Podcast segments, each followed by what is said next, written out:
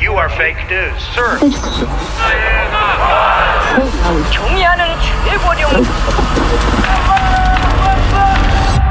On neljapäev, kuues mai, oleme pärast pikemat koroonapausi jälle Delfi välisuudiste stuudios. kohal on Eesti Päevalehe välistoimetuse juht Kadri Veermäe. tere! ja venekeelse Delfi reporter Roman Starapopov. tere! mina olen Kaarel Kressa ja fookuses jälle paratamatult idapoolsed arengud ja Lääne-Ida suhted, mida nüüd võib juba järjest kindlamalt iseloomustada mõistega külm sõda kus Ida-Euroopas veerevad ringi ešelonid, Kesk- ja Lääne-Euroopas süüdistatakse GRU-d äh, mõrvades ja plahvatustes ja seda kõike järjest jäisema retoorika ja vastastikuste sanktsioonide saatel. Mm.. Õnneks ešelonide liikumised ja sõjahirm Ukraina piiril lõppes mõneks ajaks ära, äh, nähtavasti pärast Joe Bideni ja Vladimir Putini telefonikõnet, kus räägiti ka sellest, et USA ja Venemaa presidendid võiksid kohtuda tõenäoliselt millalgi tänavu juunis. aga Kadri, mis ootusi üldse võiks panna sellele kohtumisele, kus mõlemad pooled räägivad, et loodetavasti õnnestub stabiliseerida suhteid?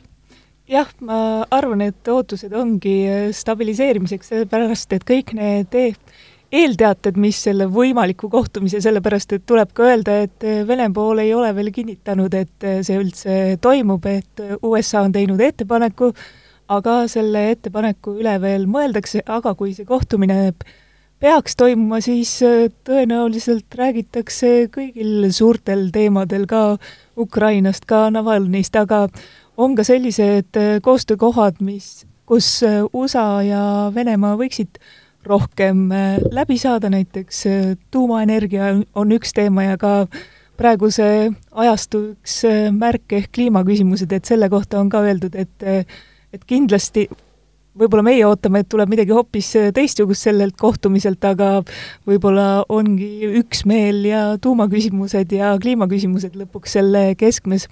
aga väga keeruline on öelda, et kas see on selline äh, plahvatuslik ja oponeeriv üritus, kuigi pigem arvaks, et ei ole, sellepärast et USA signaalid ütlevad, et et eesmärgiks on äh, koos edasi minna ja paremini läbi saada ja moodustada selline äh, pragmaatiline suhtlusvorm üksteisega, sellepärast et äh, hetkel on need suhted suhteliselt sassis ja on, aga on vaja, et kaks suurriiki omavahel läbi saaks ja kui, kui vaadata, mis toimus näiteks äh, kaks tuhat kaheksateist äh, Donald Trumpi ja Putini kohtumisel, siis see, see on selliseks äh, halvaks näiteks, et niimoodi ei tohi see USA seisukohast vaadatuna kindlasti kujuneda, sellepärast et mäletatavasti üritas Trump rääkida natuke USA valimistesse sekkumisest, siis Putin ütles, et midagi sellist pole olnud ja siis Trump lasi endale korralikult pähe istuda ja lõpuks äh, sai kohtumine läbi, et äh, ütleme, et äh, arvatavasti tehakse kõik, et midagi sellist ei kujuneks, sellepärast et USA on nüüd neid jooni maha tõmbamas, et millised on suhted Venemaaga, et ühest küljest, et ei ei neelata kõike alla, mis Venemaalt tuleb, aga teisest küljest on al alati see rõhutus just, et et tuleb ka läbi rääkida, et et arvatavasti see kujunebki kohtumine selliseks, et et konkreetselt öeldakse välja, mida tahetakse, aga mingeid võib-olla ülimaid viisakusavaldusi ei tule ka. Ja tuleb ka seda rõhutada, et Bidenil on ju väga korralik USA eh, Bidenil on korralik Vene ekspertidest meeskond, kes kindlasti aitab teda ka palju. kui seda asja Vene poolt vaadata, siis nemad äh, nagu tavaliselt tegelevad peegeldamise ja samuti omapoolsete joonte tõmbamisega või kuidas muud moodi seda sõjalist aktiivsust Ukraina piiril tõlgendada tuleks. ja näiteks Carnegie'i Moskva haru politoloog Aleksandr Baunov äh, kirjutas hiljuti, et see vist paistabki tähistavat äh, uut taset Vene välispoliitikas, kus ešelonide liikumised ongi nüüd nagu argument omaette ja see, et nad praegu tagasi liikusid, ei tähenda, et neid ei võiks kunagi käiku lasta, kui pingelõdvendus välja ei tule. ja paraku tundub, et Ukraina küsimusele tõesti lähemale ei jõuta, mis tekitab siis küsimuse, et mis saab edasi Ukraina-Vene suhetest. Zelenskõi, Volodõmõr Zelenskõi tahab ju samuti kohtuda Putiniga.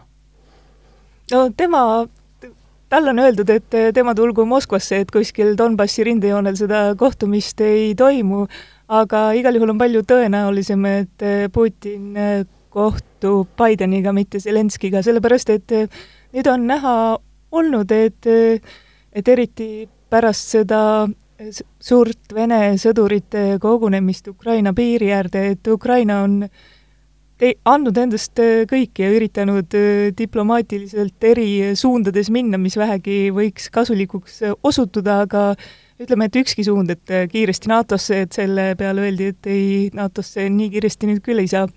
ja kõik, kõik need sellised läänelt sanktsioonide palumine, mida ei paista hetkel, et tuleksid midagi väga suurt ja väga häirivat Venemaale, et ma arvan, et äh, Ukraina ja Venemaa suhted on suht keerulises äh, seisus, sellepärast et äh, et tundub, et Vene poolel pole mingit huvi seda lahendama hakata ja Ukraina poolel pole jällegi võimalusi seda üksinda lahendada ja no need Normandia formaadi kohtumised on ka täiesti kinni jooksnud praeguseks hetkeks, et ka sellest ei ole mingit erilist tolku mm. -hmm. kas äh, Zelenskõi võiks muidu minna Moskvasse, oleks tal midagi olen, oleneb, mis seal, mis seal toimub, aga ta minu meelest praegu ei ole mingit äh, kindlat, äh, kindlat vastust öelnud, et kas, kas ta kaalub seda või mitte, aga ütleme, et Moskvasse minek, et kindlasti saab Putiniga rääkida, mis on pluss, aga kuidas see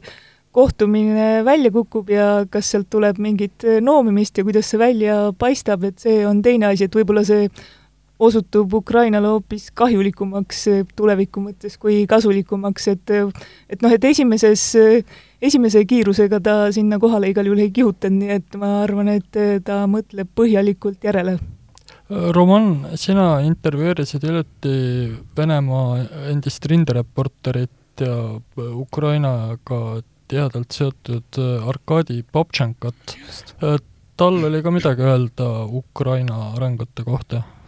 jaa, ta rääkis sellest, et ja ta rääkis, et äh, võib oodata sõda.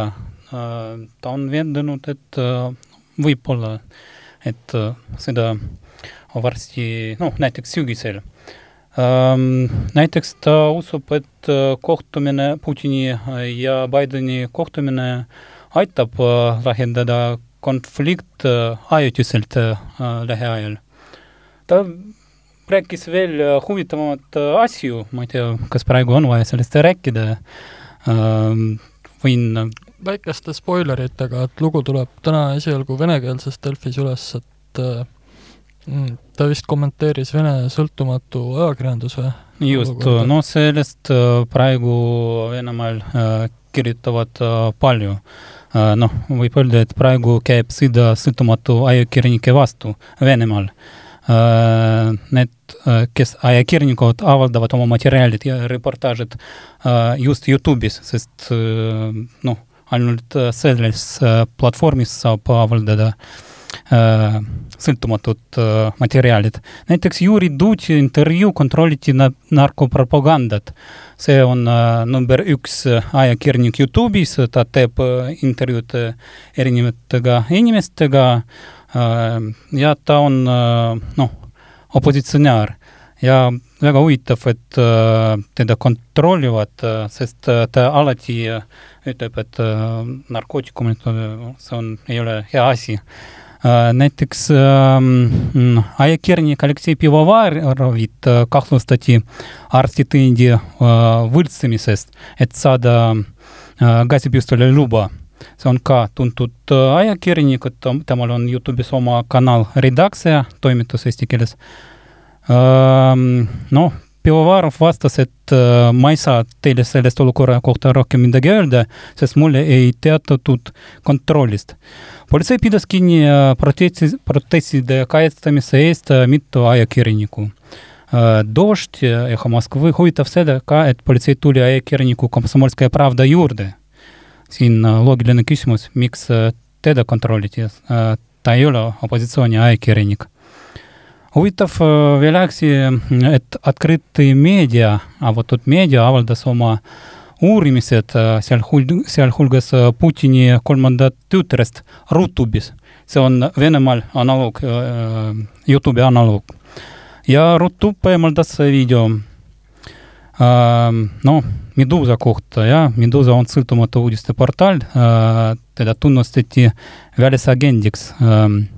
Venemaa välisministeerium hävitas Medusa äri, ütles Ivan, kurat, ei mäleta teda perekonnanime, peatoimetaja mida see tähendab Medusa jaoks, ma näen, et nad on Twitteris hakanud lisama nagu neid disclaimer eid kogu aeg, et äh, see organisatsioon on välisagent ja kõik läbivas caps lock'is, et see ongi on nende vaja. seaduslik kohustus, mille eest muidu ootavad trahvid ja ja, ja, ja.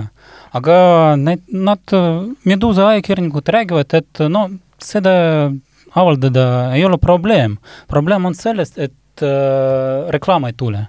keegi ei taha äh, tellida reklaam äh, välisagendit, agendist. selles probleem. ja seetõttu nad äh, paluvad abi, et äh, toetada neid äh, noh, paluvad raha mm -hmm. aga mis sa arvad, kas nad jäävad ellu või? oi, no pool aasta jaa, no umbes pool aastat, sest äh, inimesed toetavad, noh, tavalised inimesed äh, ja ärimehed, kes ei ela äh, Venemaal. aga pärast, no ma arvan, et äh, nad panevad oma äri kinni.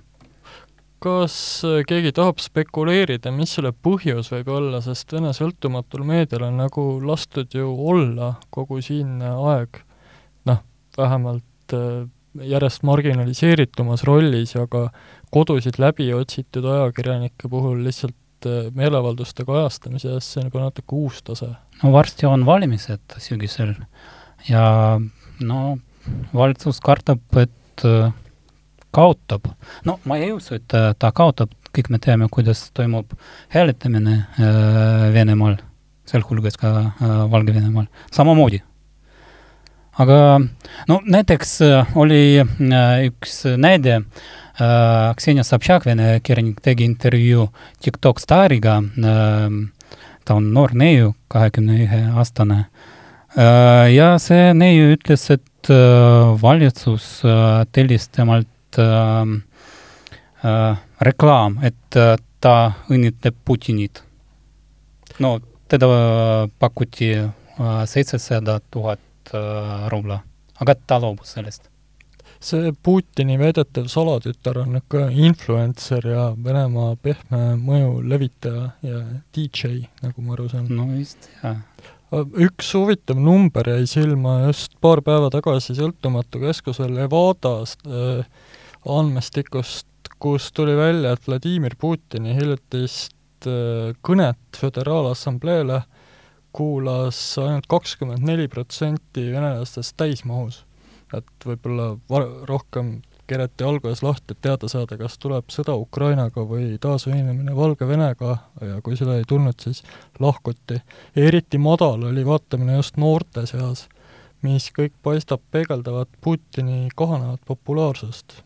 aga selle kõne puhul tuleb ka öelda, et mina jälgisin seda ka aeg-ajalt ja et seda polnud väga lihtne jälgida, et ta ei olnud selline meelelahutuslik või väga kaasahaarav kõne, vaid ta oli selline rõhutatult igav. jah, rõhutatult igav ja siis oli seal see väga veider äh, Lukašenka element veel, kus ta rõhutas, et et Lukašenkat üritati ikkagi ära tappa, mis oli noh, mi-, ütleme asi, mis jäi sellest kõnest meelde, aga see näitab ka midagi kõne kui terviku kohtu, kohta, aga Levada keskuse küsitluse ja ma olen rääkinud kunagi, Lennart Meri konverentsil käis Levada analüütik kohal ja siis tema ütles, et kui vaadata Putini toetusreitinguid, siis et seda ei saa lühikese aja jooksul väga suuri järeldusi teha, sellepärast et et see toetus läheb kõrgemaks, siis ta läheb jälle madalamaks, siis ta läheb jälle kõrgemaks, et seal, et, et see, seal ei saa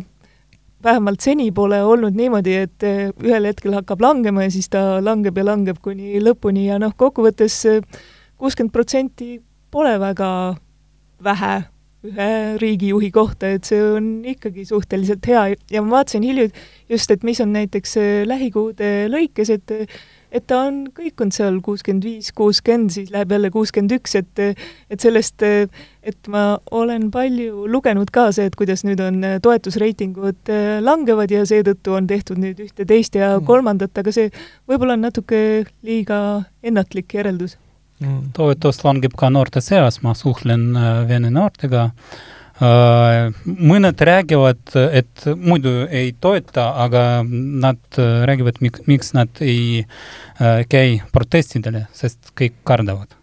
no ma arvan, et neid inimesi, kes ei toeta teda, no väga-väga-väga palju.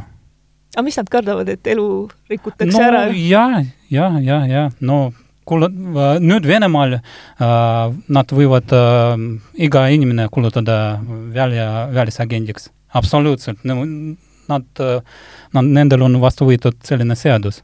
iga inimene, iga ajakirjanik, eriti meie, näiteks Delfi, nad võivad ka kuulutada. ja noored, noored kardavad mm,. ma olen vaadanud need et Vene ajakirjanduses on Eesti profiil, vähemalt tundub olevat, kuidagi tõusnud pärast seda, kui meid lisati vaenulike riikide nimekirja nii-öelda. et äh, üks teemasid, millest äh, palju räägitakse, on kõik seoses Tšehhi spiooniskandaaliga ja vastastikuste Euroopa diplomaatide väljasaatmisega. selle juurde tuleks tagasi, aga siia mustrisse võib vist lugeda ka selle, et Euroopa Parlamendi presidendile ja eurovolinik Vera Jourovale pandi sisenemiskeeld, mis on ka põhimõtteliselt täiesti uus tase. või kuidas seda kommenteerida üldse?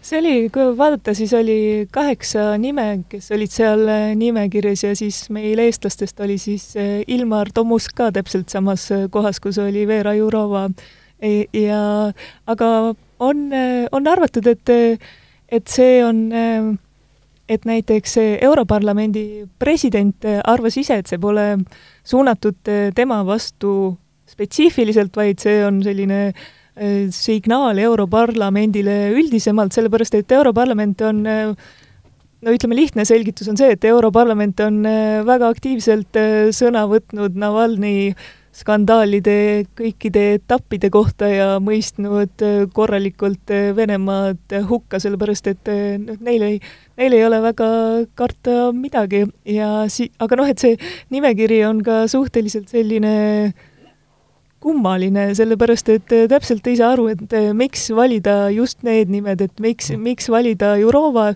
ja mitte näiteks Borrell või siis Borrell sai juba Moskvas oma peapassu kätte, et talle pole vaja siis eh, mingit eh, lisasanktsiooni. ja noh, Jurova, et neile, nende kõigi puhul, välja arvatud vist Ilmar Tomuski, sest teda ma pole näinud eh, esinemas mi-, millegi väga silmajäävaga, et no, keeleinspektsioon ja noh. nojah, et ütleme, et aga nende kõigi puhul, et neile võib äh, leida mingisuguse põhjenduse, aga see ei tundu selline üliveenev, et jah, sellepärast võiks nüüd sanktsioonid kehtestada, sellepärast et Jurova on ka öelnud eh, Vene kohta ühte koma teist, aga ma arvan, et eh, Euroopast ja Euroopa Komisjonist leiab eh, neid palju, mitte vähe pigem. Delfi küsis nädala alguses Eesti välisministrilt Liimetsalt, et mida arvata sellisest Euroopa ja Eesti ametnike sanktsioneerimisest ja vastus oli lühike, et lihtsalt tekitab sügavat hämmingut. ja noh, eeldatavasti sellele ei hakkagi ega saagi eriti vastata, kuigi võib ju spekuleerida, et kui vaadata, mis agentuurid Venemaal on, siis seal on näiteks Tarbijakaitseamet, siis kui Euroopa toiduained veel pääsesid Venemaale sisse, siis see Tarbijakaitseamet kippus alati leidma Balti või Ukraina või Gruusia toodetest igasuguseid kahtlaseid aineid, mille eest võiks ju ka lisada sanktsiooni nimekirja. aga muide, seal Vene sissesõidu nimekiri on tõesti huvitav, et seal on Läti meedianõukogu esimees, see on siis ilmselt selle eest, et Vene kanaleid on suletud, Läti kohalik Tomusk, riigikeelekeskus ehk sama, mis inspektsioon, siis on seal üks prantslane, Äh, Euroopa Nõukogu Parlamentaarsest Assambleest ja Berliini peaprokurör, kes siis ilmselt on kiusanud GRU väidetavalt palgatud mõrvareid ja nii edasi. Rootsi Kaitseuuringute Keskuse osakonna juht, et äh, sellised äh, et kui nad kokku panna, siis see tuleb suhteliselt äh, imelik kamp, kelle, et keda ei saa nüüd nimetada, et nemad oleks nüüd erakordselt Vene-vaenulikud või nagu sil-, silmatorkavalt Vene-vaenulikud, nii et selles suhtes on see aga võib-olla selle asja eesmärk ongi segadust külvata selle IA no, sees? mitte isegi segadust, vaid vastandust, et selles mõttes, kui rääkida, et Europarlament on olnud ebasõbralik, siis selgelt nüüd Europarlament kuidagi sõbralikumaks ei muutu Vene suhtes, mis tekitab nagu küsimuse, et kas Venemaa ise on jäänud uskuma enda väidet, et äh, Brüsseli poliitikat juhitakse Washingtonist ja noh, see meenutab seda, kuidas Hiina vihastas välja Europarlamendi ja nüüd ei tulegi ilmselt Euroopa-Hiina investeerimislepingut niipea, sest Hiina pani Europarlamendi liikmetele sanktsioonid peale ja noh, sellega lihtsalt ei saa leppida. ja vist tippkohtumine pidi ka tulema, mis ka ära jäi just. et mida selline trollimine õigupoolest annab.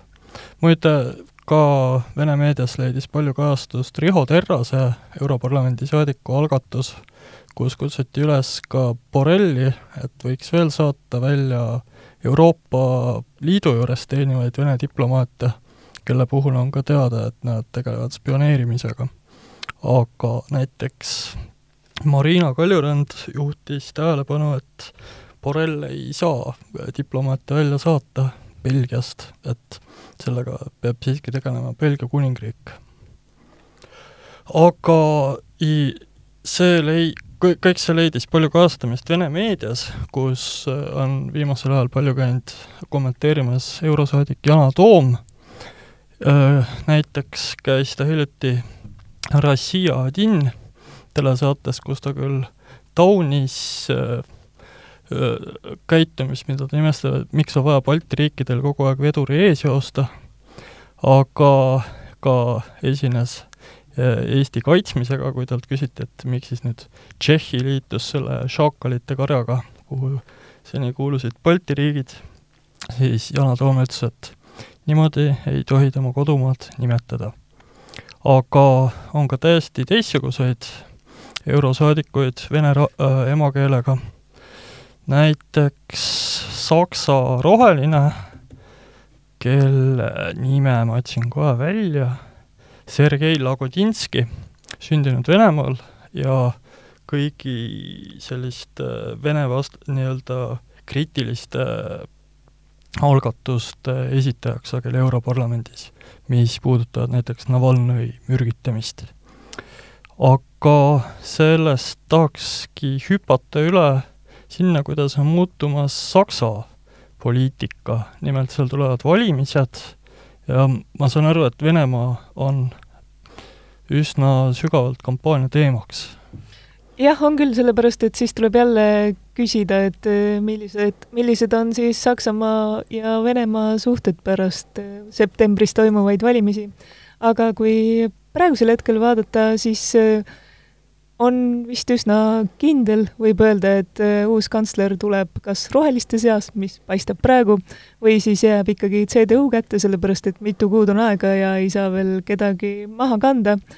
aga vist äh, üks selline eristuv element äh, on Nord Stream kaks, mille kohta rohelised on öelnud, et selle, selle võiks nüüd kohe kinni panna, kui nemad võimule saavad ja CDU eelkõige äh, Angela Merkeli suu läbi on rõhutanud järjepanu seda, et poliitika ja majandusprojektid tuleb lahus hoida ja seda ta on öelnud absoluutselt igasuguse skandaali järel, ka Navalnõi mürgitamise ja vangipaneku järel, et neid ikkagi samasse potti ei saa, ei saa panna, et võib siis arvata, et CDU, kus on siiski ka inimesi, kes tahaksid ka kohe Nord Stream kahte ära lõpetada, aga probleem vist võib selles olla, et Nord Stream kaks võib-olla saab enne valmis, kui, kui Saksamaa valimised üldse toimuvad, sellepärast et seal on üheksakümmend protsenti on juba tehtud ja on see lõpp, mida nad nüüd siis mitu aastat teevad neid paarisadat kilomeetrit ja minu meelest laevad on seal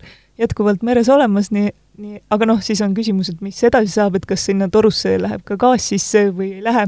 aga noh, kokkuvõttes ja see on ka sanktsioonidega seostuv teema, et et Euroopa Liidu energiasõltuvus on jätkuvalt Venemaast väga korralik, nii et et see ei, asi, mida arvatakse, et mis on üsna välistatud, et näiteks, et oleks ju kõvad sanktsioonid, et kui keerata toornafta ja gaasi, gaasitarned Venemaalt väiksemaks või kinni, aga seda nagu ei saa Euroopa endale väga jällegi lubada, nii et et see on niisugune kahe otsaga asi. Ja kui Saksamaa juurde tagasi minna, siis üldiselt on niimoodi, et ikkagi valimistel peateemad on sisepoliitikas, et kui palju on kulutamist ja kui palju on kokkuhoida ja, ja need on ka praegusel hetkel valimisvõitluse suureks küsimuseks, et kas nüüd, kas, kui rohelised saavad võimule, et kas siis äridel hakkab halvasti minema ja tulevad mingid suured uued maksud, et see on siis selline asi, mis inim-, tavalisi inimesi väga huvitab. aga üldiselt, et noh, mingisugust suurt pööret ei ole kummagi puhul oodata ja pole ka oodata, et nüüd on midagi eriti Venemaa sõbralikku tuleb Saksamaa eesotsa, et selleks on vist Macron praegu jätkuvalt kuigi noh, Macron rääkis ka võimule saades, käis Moskvas ja kiitis, et varsti võib sanktsioonidest loobuda, sest kogu Normandia protsess toimib väga hästi, nüüd alates aprillist räägib ka tema punastest joontest ja Venemaa taltsutamisest. või Itaalia, kuhu kuulub Euroopa Parlamendi president Sassoli ja kellelt saeti samuti diplomaate Moskvast välja või Tšehhi, mida võis kuni selle spiooniskandaalini pidada üheks Euroopa kõige Venemaa sõbralikumaks riigiks, aga nüüd lisaks sellele, et välja paistab olevat ihastatud, no mingil määral vähemalt peaminister Babiš, on juba enne selle skandaali puhkemist tõusnud alates märtsist kohaliku Piraadipartei populaarsus, mis praegu püsib selgelt kõige populaarsema erakonnana, kahekümne seitsme protsendiga, Babiši partei on kaotanud umbes kolmandiku oma toetusest, püsib teisel kohal umbes kahekümne nelja protsendiga, ja äh, vot see Piraadipartei, muidu on ta üsna niisuguse liberaalse e, e-meelse, euromeelse poliitikaga ja sarnaselt Saksa uut tüüpi rohelistele on ta ka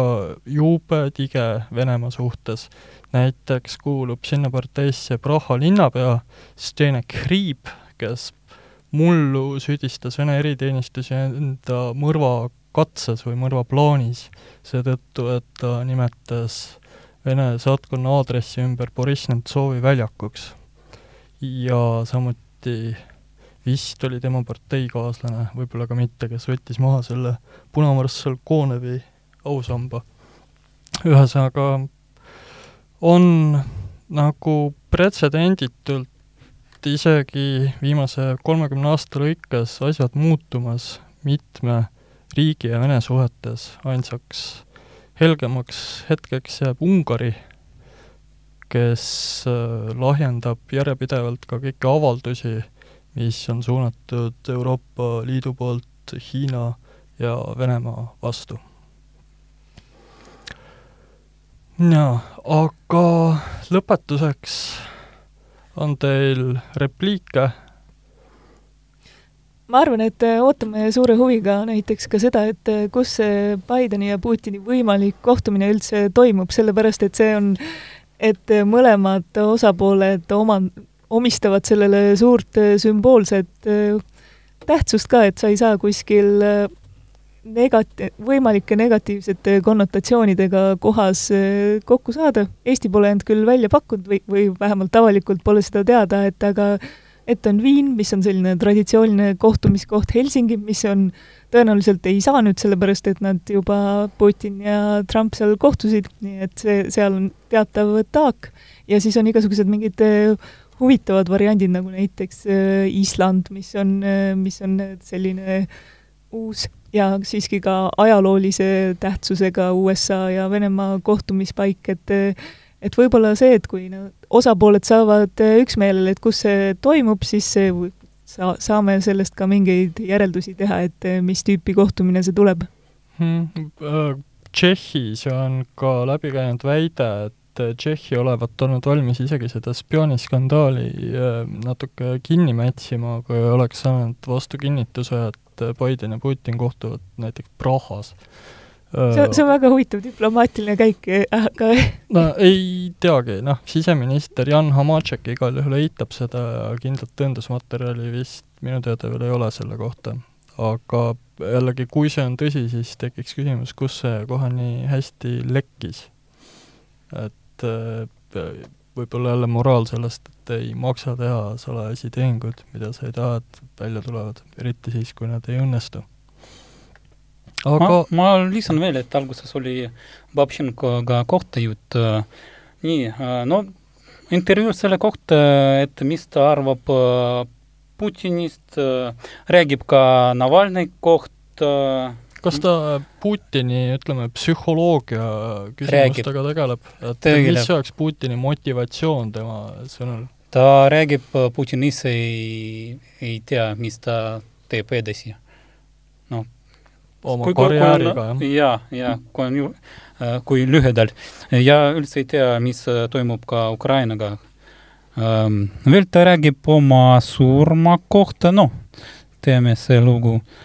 ja Venemaa suhtes nii, ja kõige võib-olla huvitavam küsimus ja ta vastab sellele küsimustele, kas ta elab Eestis või mitte mm. -hmm. selle saame siis teada? jah. aga suur tänu teile, Roman ja Kadri, mina olin Kaarel, järgmise korrani. You are fake news, sir. 경의하는 최고령